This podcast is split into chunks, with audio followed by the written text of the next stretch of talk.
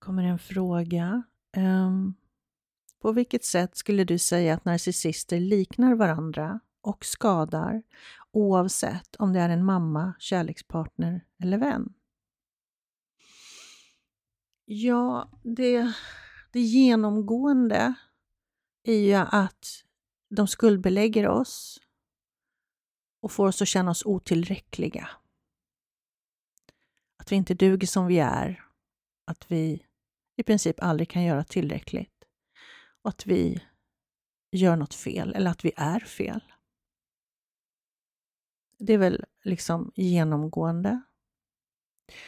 Och sen också eh, den här eh, övergreppscykeln som alla narcissister använder sig av. Och det är ju då den här första, först är det en bekräftelse av något slag, lovebombing, hovering, liksom, där man bara, allting är bra, allting känns jättebra, eh, till att narcissisten inte har fått tillräckligt, känner sig missnöjd eh, och straffar dig på något sätt. Och Det kan ju vara på olika sätt. Silent treatment, de behandlar dig som luft. Eller aggressiva utbrott. Ehm, eller bara ja, ghostar, försvinner. Om de har möjlighet till det. Det finns olika sätt som de straffar på. För att sen då eh, gå in i det här lite hovering, lovebombing-fasen där allting är lugnt. Allt det här kallas för övergreppscykeln och den följer dem allihopa, alla narcissister. Sen har de då olika metoder de gör det på, på olika sätt. Men de följer den här och det här skapar traumabindningarna hos oss. Varmt, kallt, varmt, kallt. Det blir som en drog. Vi blir beroende av det här. Um, mm. Det gör de. Det liknar deras sätt. Jag ser, måste jag tänka om det kommer upp något mer här nu. Men det är ju psykisk misshandel som alla narcissister håller på med och en del även med fysisk. Sen visar det sig ju på olika sätt i vilken typ av relation du har. I en vänskapsrelation så kan det kännas som att det alltid handlar om den personen. Och att du känner att du får så här, någon ont i, maget, ont i magen när, när det gäller den här människan, när du börjar tänka på den eller får kontakt med den. För det är liksom som att du aldrig är tillräcklig. Det är som att du alltid har gjort något fel. Du känner alltid den här obehagskänslan med den vännen.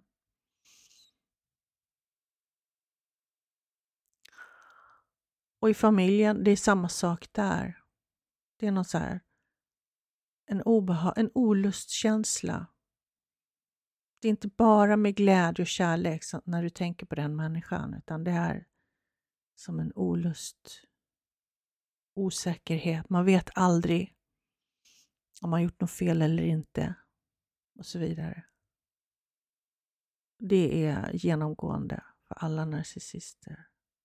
De skapar det i oss. Vi kan aldrig vara helt trygga i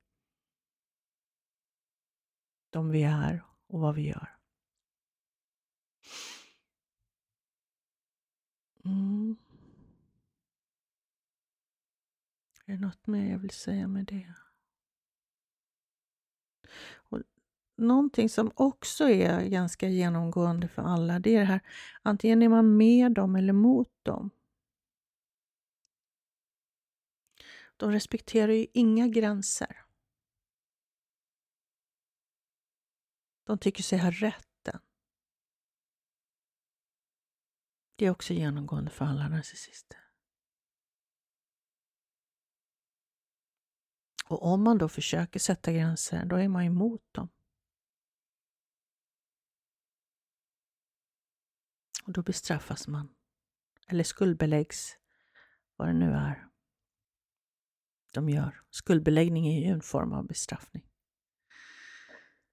Mm. Är det mer som är... De liknar egentligen varandra på väldigt mycket. Sen är ju då den, nu går jag in på typ av narcissist, men den dolda narcissisten är ju lite svårare att identifiera. Den flyger liksom lite under radarn. Ofta har den lärt sig att eh, visa logisk empati. Den vet att det behövs. Men det känner inte empati för det. Det är en logisk förståelse för att man behöver, man bör känna empati. Man kan prata om det, men man känner det inte.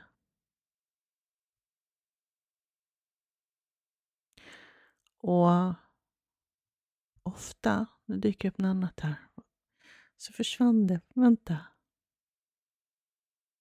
Åh, det var något annat jag skulle säga som också är väldigt genomgående för alla narcissister. Det försvann. Ja, se om du kommer tillbaka. Jag var inne på dolda narcissisten. Ja, den dolda narcissisten kan ge komplimanger, men det kommer liksom som ett stick där. Eh, den behöver trycka till på något sätt också. Den kan inte bara liksom ge en komplimang. Det kommer något annat också. Och ofta är det så elakt, eller vad man ska säga, att man nästan blir chockad. Man tror inte riktigt att man hörde rätt. Så pass kan det vara. Mm. Vad var det mer jag kom på som är så lika fall? Jo! Det som också är väldigt genomgående för alla narcissister, oavsett vilken typ de är eller vilken relation man har till dem, det är det att de säger en sak men gör en annan. Och ofta, vi som då är medberoende, vi lyssnar till vad de säger. Vi tar liksom fasta på det. Och sen så blir vi förvirrade för de gör någonting annat.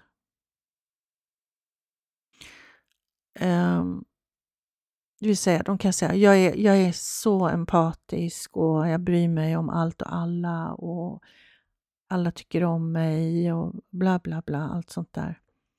Men så, och, och så hackar man i sig där och bara, gud, här är en sån snäll och empatisk och varm person.